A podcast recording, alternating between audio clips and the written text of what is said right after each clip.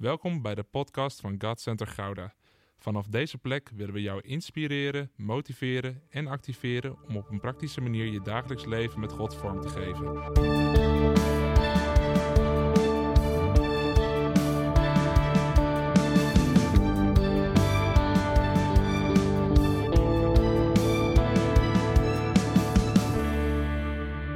Maar vandaag, Moederdag.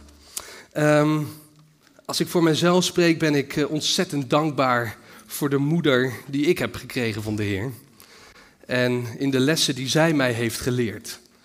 En tegelijkertijd ehm, ben ik dankbaar voor de vrouw die de Heer mij gegeven heeft. En hoe ik zie hoe zij als moeder voor onze kinderen is. En het werd vanmorgen al een paar keer genoemd. Een dag als deze is natuurlijk gelijk wel een beladen dag. Want je zult hier zitten en in het afgelopen jaar je moeder hebben verloren. Of je zult hier zitten en zo graag die moeder willen zijn, maar nog geen kinderen mogen hebben ontvangen. Of je zult hier zitten en je hebt nog niet eens een partner in je leven, of je hebt dat verlangen, of je hebt misschien dat verlangen helemaal niet. Ja, wat dan te doen met moederdag? En dat is ook ja, natuurlijk het, het spanningsveld voor zo'n dag als vandaag. Of je zult hier zitten en je bent geen moeder, je bent geen vrouw, je bent een man. Ja. Of je zult hier staan en je zult iets over moederdag mogen delen. En toch, ik kreeg het op mijn hart om vandaag vanuit het woord te luisteren naar een moeder. Naar lessen van een moeder, zoals de titel ook genoemd is. En het woord, we zullen dat straks ook zien, geeft heel veel waarde aan de vrouw, aan de moeder.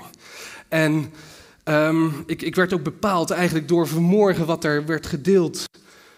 Um, zeker de zuster op het, uh, op het einde van de aanbidding. Jesaja 66, vers 13 zegt dit: Zoals een moeder iemand troost, zo zal ik, hier spreekt God zelf, zal ik u troosten. Er zit in een moeder uh, heeft God um, een troostende werking gelegd.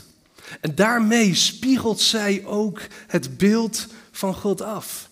Wij spreken als God de Vader. Ja, Hij is de Vader. De Heer Jezus is de Zoon.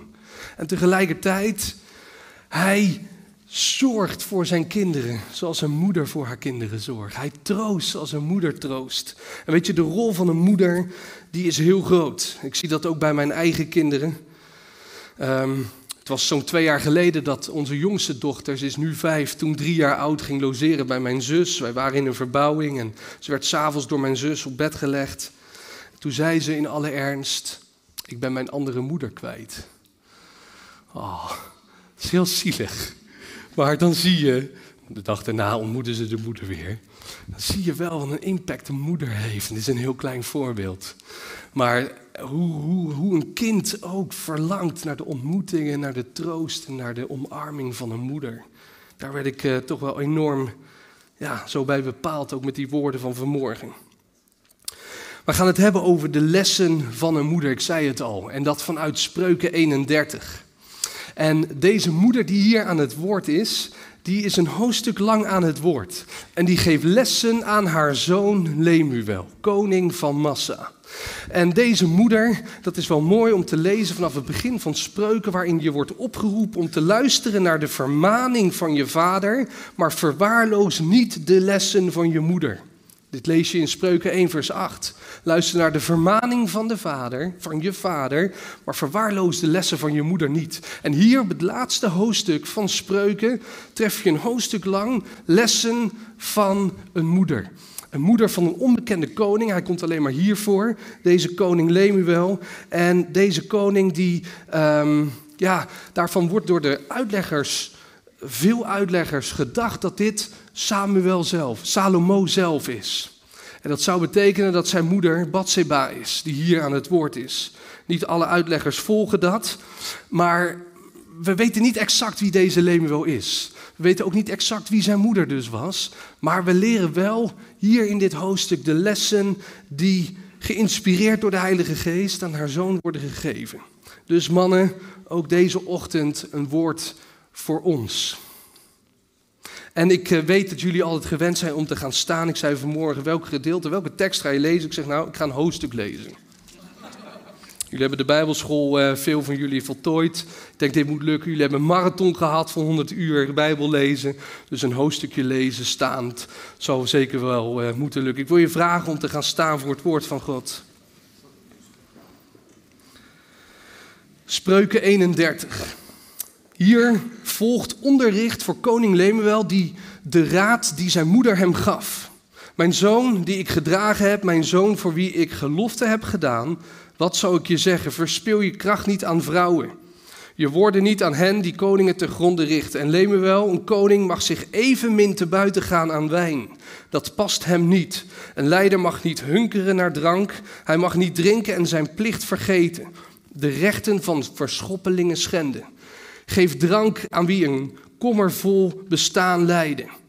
Geef wijn aan wie diep ongelukkig zijn. Laat ze maar drinken en hun armoede vergeten, mogen hun gezwoeg uit hun herinnering verdwijnen. Spreek voor hen die weerloos zijn. Bescherm het recht van de vertrapte. Spreek oordeel rechtvaardig. Geef de armen en behoeftigen hun recht. Een sterke vrouw. Wie zal haar vinden? Zij is meer waard dan edelstenen. Haar man vertrouwt op haar en zal daar rijkelijk bij winnen. Ze brengt hem voorspoed, geen ellende alle dagen van haar leven. Ze zoekt wol en linnen uit en spint en weeft met vreugde. Zoals een koopmansschip naar verre streken vaart, zo haalt zij van verre wat ze nodig heeft. Ze staat al op als het nog donker is, regelt het werk in huis, draagt haar slavinnentaken op. Als zij haar zinnen op een akker zet, koopt ze hem. Van wat ze heeft verdiend, plant ze een wijngaard. Zij is vol daadkracht. Onvermoeibaar is ze in de weer. Handel drijven gaat haar heel goed af en s'nachts gaat haar lamp niet uit. Haar handen zijn voortdurend aan het spinrok. Ze houdt altijd de weefspoel vast. Haar handen strekt zij uit naar de behoeftigen. Zij geeft de armen hulp. Niemand in haar huis hoeft sneeuw te vrezen. Zij heeft hen allen warm gekleed. Ze maakt de mooiste dekens. Ze gaat gekleed in linnen en purperen wol. Haar man geniet bekendheid in de stad. Hij vergadert met de oudste in de poort. Zij vervaardigt kleding en gordels en levert die aan kooplui.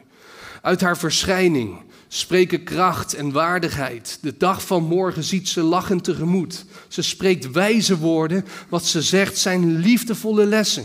Ze waakt over haar huishouding. Niets doen is haar onbekend. Haar kinderen prijzen haar. Haar man bejubelt haar. Er zijn vele vrouwen, maar jij overtreft ze allemaal. Charme is bedriegelijk en schoonheid vergaat, maar een vrouw met ontzag voor de Heer moet worden geprezen. Mogen zij de vrucht plukken van haar werk, mogen, zij, mogen haar daden worden geprezen in de poorten. Tot zover. Dat dit hoofdstuk begint allereerst met lessen voor haar zoon.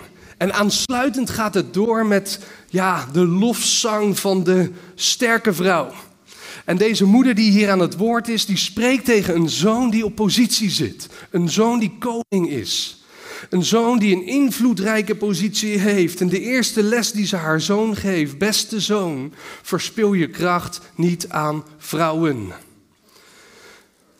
En als ik deze boodschap hier voor vandaag de dag zou mogen brengen, beste mannen. Je raakt je kracht kwijt. Je raakt je autoriteit kwijt. Je raakt je zelfbeheersing kwijt. Je raakt je zelfrespect kwijt op het moment dat je je kracht verspilt aan vrouwen. En weet je, de problematiek die ook hier, niet alleen in dit land, moreel heerst als het gaat om op seksueel gebied, maar ook in het huis terugcijpelt, die problemen zijn groot die doorcijpelen tot in het huwelijk. Satan is er zo mee, mee, mee gemoeid om huwelijken kapot te maken. En wat hij daarvoor gebruikt is de invloed van immorele seksualiteit. En mannen, hier is gelijk even een les op deze moederdag van een moeder. Verspil je kracht niet aan vrouwen. Verspil je kracht niet aan vrouwen, want je verliest die kracht. Job 17, vers 9 leert ons dat wie rein van handen is, Neem toe in kracht. laat dit voor jullie gelijk een les zijn. Laat dit voor mij een les zijn. Zo'n eerste les. Verspil je kracht niet aan vrouwen. En weet je, als je denkt, ja, maar ik ben helemaal niet op een invloedrijke positie. Wel, iedereen die hier zit, wordt een koninklijk priesterdom genoemd. In 1 Petrus 2, een koninkrijk van priesters noemt openbaring ons. en of je nou hier als man zit, maar ook als vrouw. Eigenlijk geldt deze eerste les gelijk ook voor jou. Hou die standaard rondom seksualiteit. Hou die hoog. En als je in je voorbereiding bent van je huwelijk, hou die standaard hoog. Dit is zo'n ingang. Zo'n ingang om jou te ontnemen van jouw kracht, van je autoriteit, van wie je bent in Christus. Verspil je kracht niet aan vrouwen. Dit is het eerste, zo'n eerste les die maar eventjes zo gelijk rauw op je dak komt. En het tweede is bijna aaneensluitend, mannen van positie, beste koning Lemuel, beste zoon, ga je niet te buiten aan wijn. Ga je niet te buiten aan dronkenschap, ga je niet te buiten aan sterke drank. Het is Hosea 4, vers 11, die ons leert dat hoerij, wijn en nieuwe wijn beslag nemen van ons hart. Hosea 4, vers 11. En, en immoreel gedrag, seksueel immoreel gedrag, is veel verbonden met ook misbruik van drank. Dit is ook in het woord, zie je dat dit verbonden is. Nou, lekkere binnenkomen zo deze ochtend als het gaat om de lessen van een moeder. En tegelijkertijd in deze geldt wel. Onthoud je van die wijn. Onthoud je van die wijn. En deze waarschuwing van een moeder. En wat moet die koning dan wel doen? Hij moet spreken als een advocaat.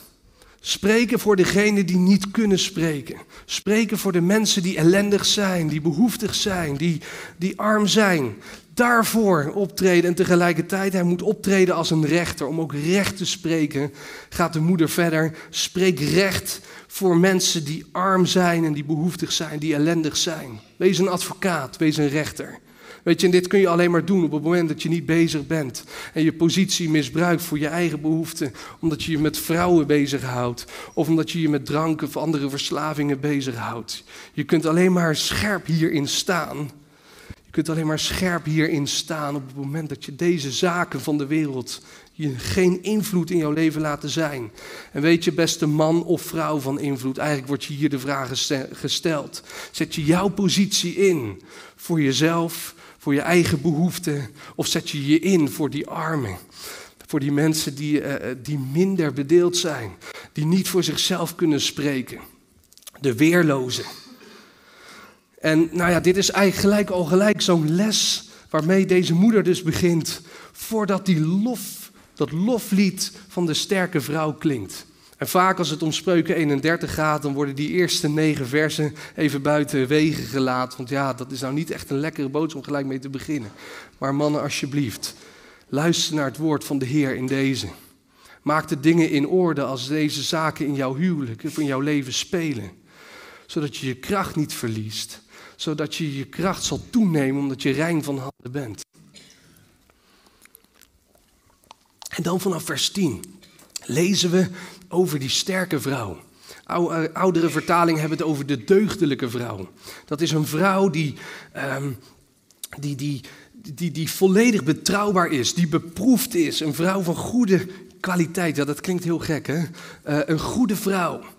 Een, een, een degelijke vrouw, een sterke vrouw. En eigenlijk roept deze moeder op: wie zal haar vinden? Deze vrouw is niet zomaar te vinden. En als het gaat om de sterke vrouw en om de loftrompet voor de vrouw, dan is dit gelijk wel een moment om te zeggen dat de kerk daar toch wel enorm in heeft gefaald. Als het gaat om de vrouw ondergeschikt te maken, minder waar te maken, ehm, om de vrouw te onderdrukken zelfs, minder waardig, minder waardig.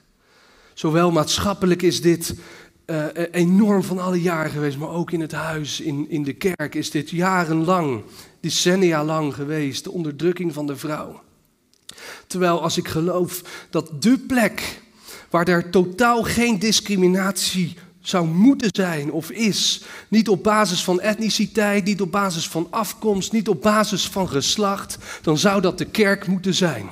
Gelaten 3, vers 28 leert ons dat er geen sprake meer is van Joden of Grieken, van slaven of vrije, van man of vrouw in Christus Jezus. Want u bent alle één in Jezus Christus. Gelaten 3, vers 28.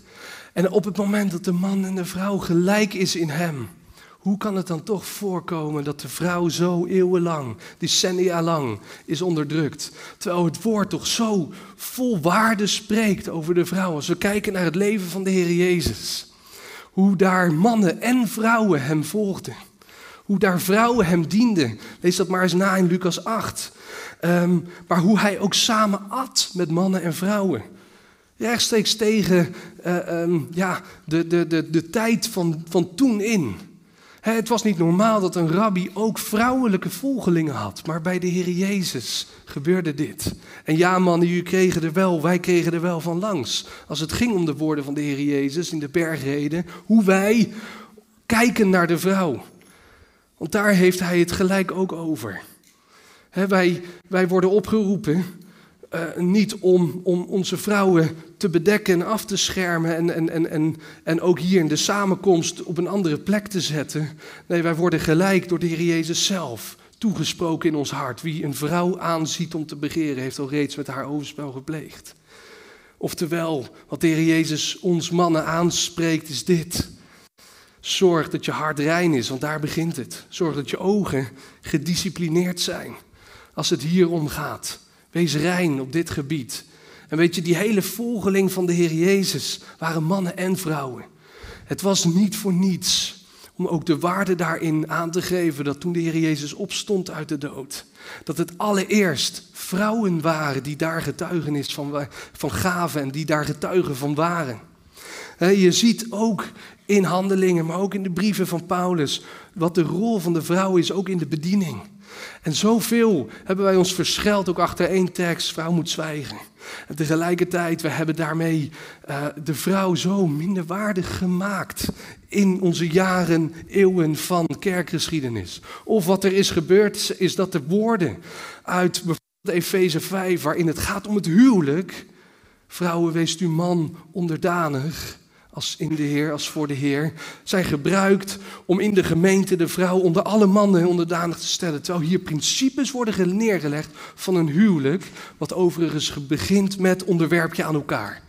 Onderwerp je aan elkaar. Wat vervolgens uitvloeit in mannen hebt uw vrouw lief. Tot drie keer toe in dat gedeelte. Mannen hebt uw vrouw lief zoals Christus de gemeente heeft lief gehad. En het is eigenlijk dat gedeelte in Efeze 5 alsof je brievenpost ontvangt, alsof je een envelop ontvangt met daarop de geadresseerde vrouwen. En mannen zijn dat gaan openmaken, uh, zijn dat gaan toepassen, zijn dat, zijn dat gaan gebruiken, terwijl het was geadresseerd aan vrouwen. En wij mannen, wij hadden een envelop ontvangen, heb je vrouw lief, zoals Christus de gemeente heeft lief gehad. Nou, de man, dit gaat zo diep. Dit gaat zo ontzettend diep, want dat betekent dat jij je leven geeft. Dat jij je leven geeft tot in de dood voor je eigen vrouw. Niet voor alle vrouwen. Het gaat om het principe van het huwelijk.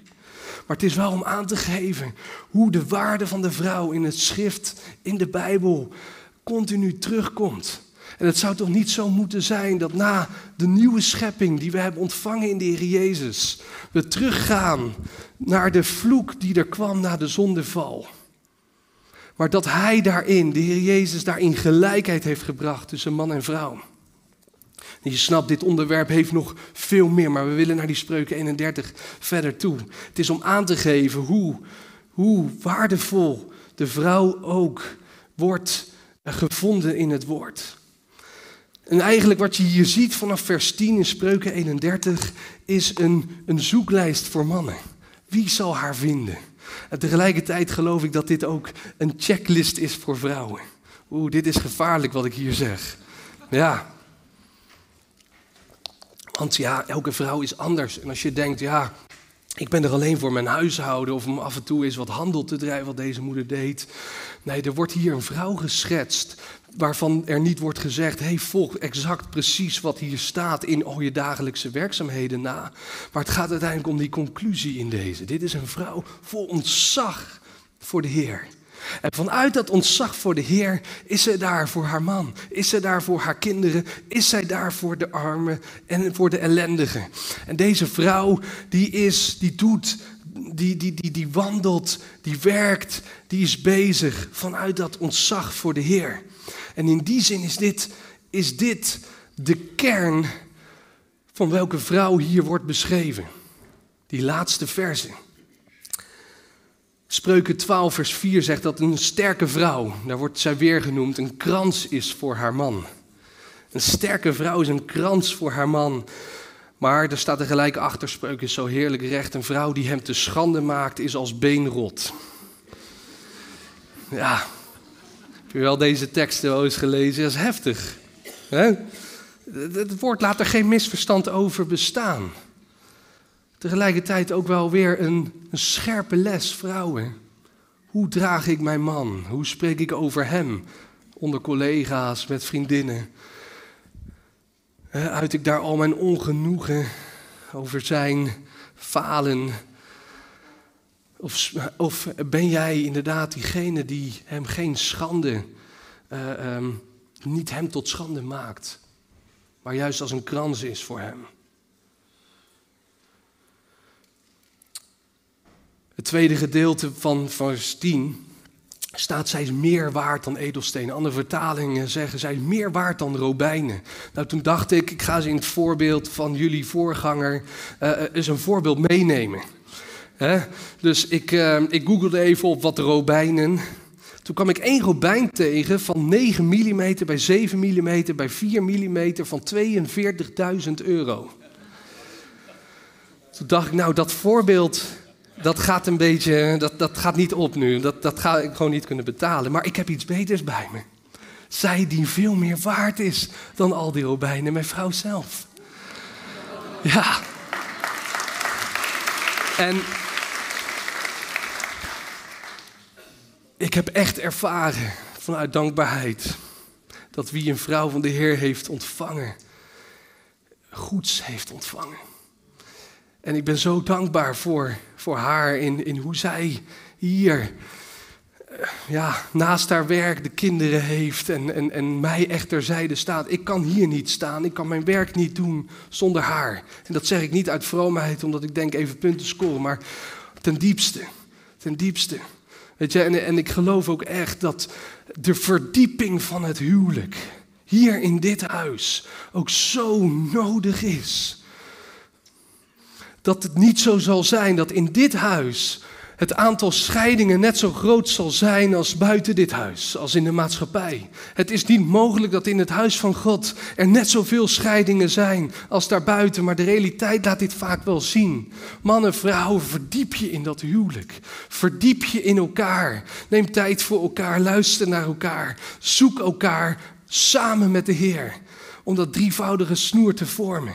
Weet je, het belang van het huwelijk is zo hoog. Het wordt aan alle kanten aangevallen. Dat huwelijk zoals God het heeft ingesteld, dat huwelijk wat een beeld is tussen de Heer Jezus en de gemeente, zoals Efeze 5 ook zegt. Dit huwelijk. En weet je, in dit huwelijk vertrouwt het hart van haar man haar. Op haar vertrouwt het hart van haar man, zegt vers 11. Het huwelijk is ten eerste gefundeerd op vertrouwen. Veel dieper nog dan liefde. En vaak, weet je, hebben wij, ja, uh, vanuit verliefdheid en liefde, ja, absoluut. Want het is God zelf ook die, jou, die liefde voor jouw vrouw, vrouwen voor je man, in jouw hart heeft uitgestort, Romeinen 5. Maar tegelijkertijd, het is vertrouwen. Op haar vertrouwt het hart van de man. Weet je, op het moment dat je je volledige vertrouwen in elkaar hebt.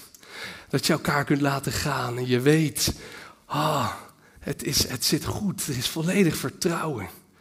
Weet je, dit is zo'n fundament in het huwelijk. En als dat vertrouwen geschonden is, dan geloof ik ook dat dit huis, dat vandaag, dat de gemeente een plek van herstel is. Dat waar het woest is en waar het kapot is gemaakt, dat hier de hersteller is, de Heer Jezus zelf. Hij degene die samenbindt. Hij die wat kapot is gemaakt aan vertrouwen weer weet te binden. Hij die degene is die jullie samenbindt tot dat stevige huwelijk. En en vanuit deze lessen lees je vervolgens vanuit vers 13 ehm, wat deze vrouw allemaal doet. Ze zoekt de juiste grondstoffen voor de kleding van haar gezin. Ze zorgt voor voedsel wat van ver komt. Ze vergroot door haar werk het inkomen. Ze werkt voor haar gezin. Maar ze vergeet daarmee de ellendigen en de behoeftigen niet. De armen niet. Haar kleding is waardig. Kracht en glorie zijn haar kleding, zegt de MBG kracht en glorie. Haar waardigheid is verbonden met haar man. Ehm, zij lacht de dag toe. Haar kracht gaat gepaard met vreugde. Haar spreken is vol wijsheid en wat ze zegt zijn liefdevolle lessen. En dan zie je wat een reactie daarop komt. Haar kinderen, lees je over deze vrouw, die prijzen haar. Haar man bejubelt haar. Oh ja, dit is, dit is vrouwen. Dit is zo'n mooie uitnodiging. Dit gedeelte om hierin te wandelen. Maar als je zelf denkt van ja, maar hoe dan? Dit is, dit is niet zo'n standaard waar ik aan kan voldoen. Deze pracht en glorie en kracht. Nee, weet je, dan kom je bij die kern van dat vers, vers 30, waarin staat: charme is bedriegelijk. Schoonheid vergaat. Vaak zijn dat wel de elementen waarop wij mannen een vrouw vinden en uitzoeken. In ieder geval moeten. Maar de Bijbel is daar duidelijk over. Charme is bedriegelijk, schoonheid vergaat. Maar, maar een vrouw met ontzag voor de Heer moet worden geprezen. Zo wordt er niet, niet alleen bejubeld door haar kinderen, geprezen door haar man, geprezen door haar kinderen, bejubeld door haar man, maar ze wordt ook geprezen door de Heer. Ze moet geprezen worden. Waarom? Ontzag voor God, ontzag voor de Heer, liefde voor de Heer. Weet je, en eigenlijk dit hele gedeelte vanaf vers 10 tot en met 31 is een acrostigon. Misschien zegt je dat wat, maar dat is een vers waarbij je uh, met elke beginletter vormt dat zichzelf ook weer tot een geheel. En eigenlijk wat je hierin ziet is dat vanaf vers 10 tot en met 31, dat dat het, het Hebreeuwse alfabet is wat wordt afgegaan en wordt gelegd op deze vrouw. Maar weet je, ik geloof deze ochtend wil de Heilige Geest in deze nog een diepere laag inbrengen in dit gedeelte.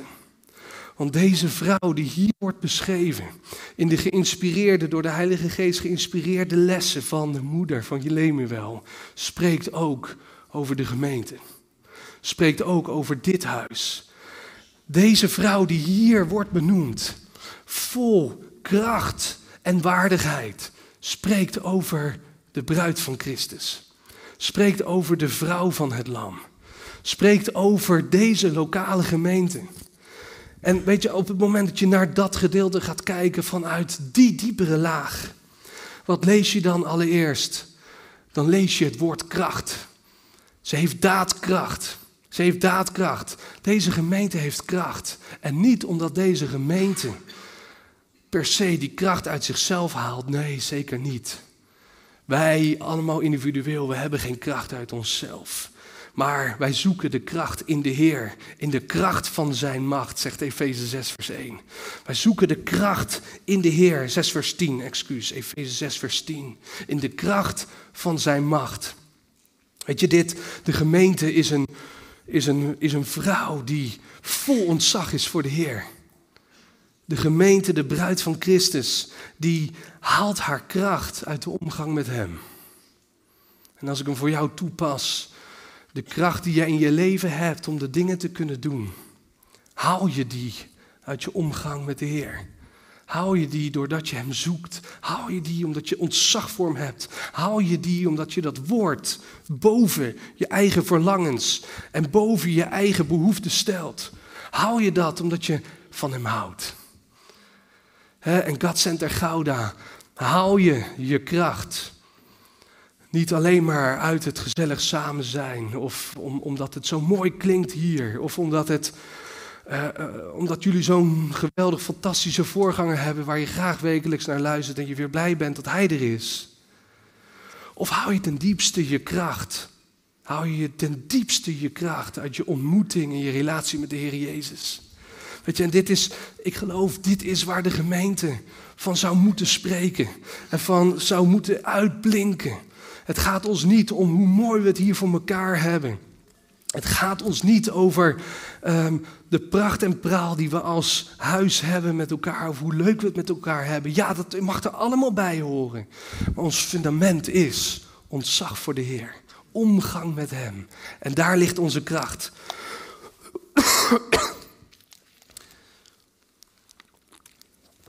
Vanuit die toewijding lees je dan ook dat de dat, dat deze vrouw, dat de gemeente, de vruchten plukt van haar werk.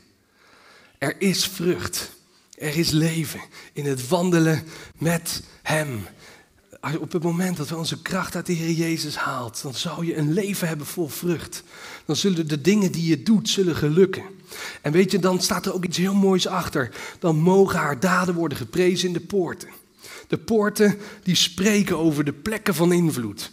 De poorten die spreken over de plekken, ook hier in de stad, waar het bestuur zit, waar het wordt bepaald. De poorten is een preek op zichzelf, is een studie op zichzelf, maar die spreken over allemaal deelgebieden in de maatschappij van invloed.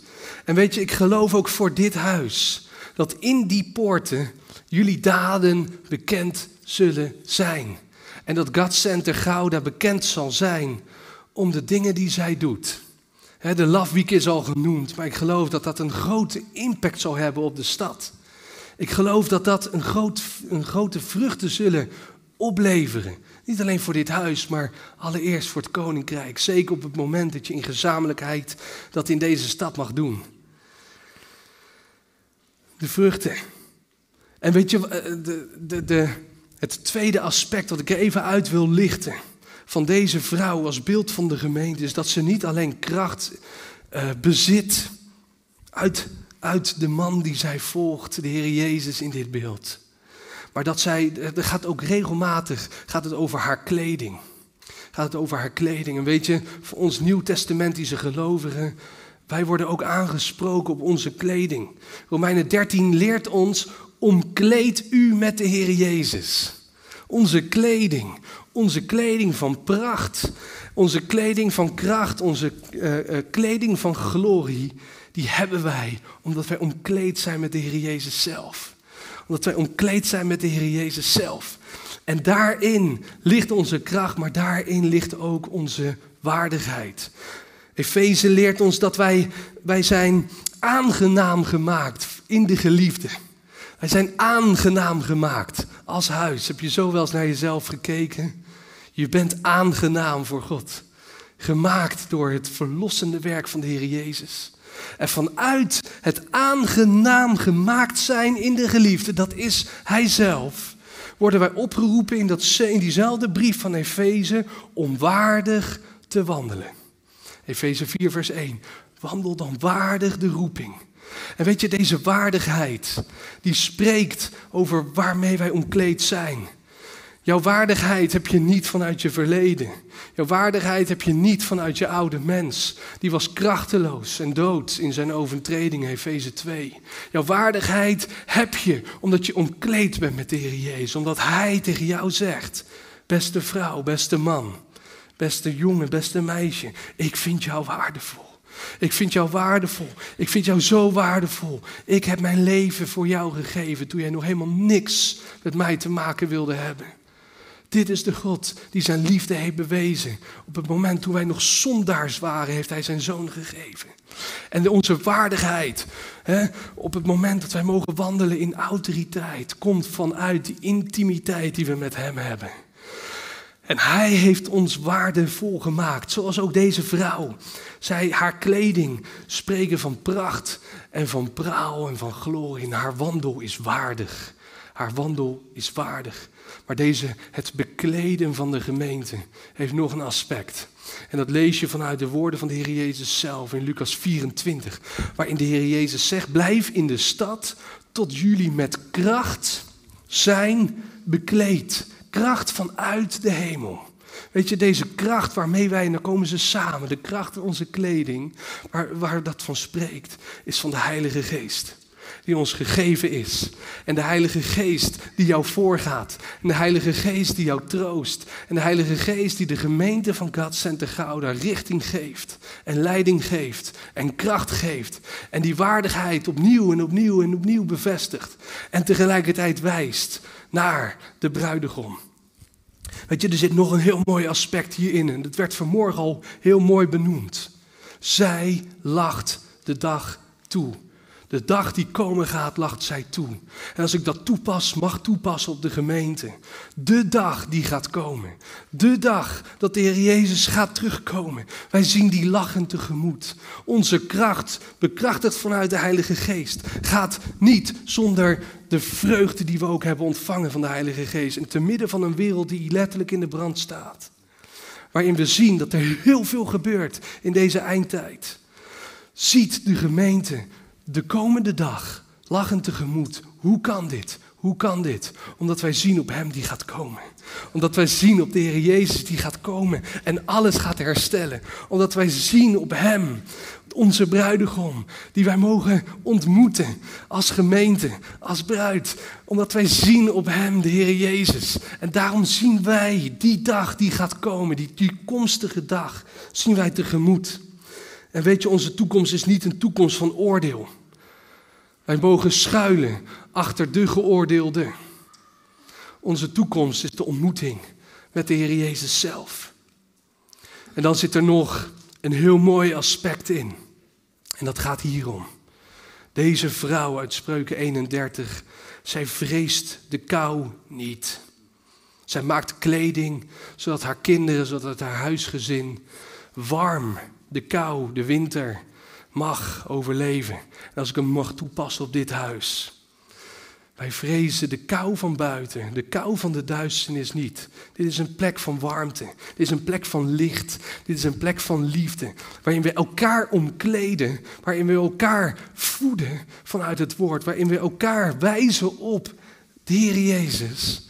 En elkaar daarmee ook beschermen en troosten en vasthouden. En daarmee de kou van buiten ingaan. Want wat lezen we over deze vrouw? Ook maakt ze kleding voor de armen, voor de behoeftigen, voor de ellendigen. Weet je, een huis, een gemeente wat alleen maar op zichzelf naar binnen gericht zou zijn. En niet zoiets zou hebben als een love week. En niet zoiets zou hebben als het uitreiken naar buiten. Dat is een gemeente waarin uh, God nog zoveel klaar heeft liggen, maar ook oproept en aanspoort. Stap naar buiten. Stap naar buiten. En wees er voor die armen. En wees er voor die ellendigen. Voor die weerlozen.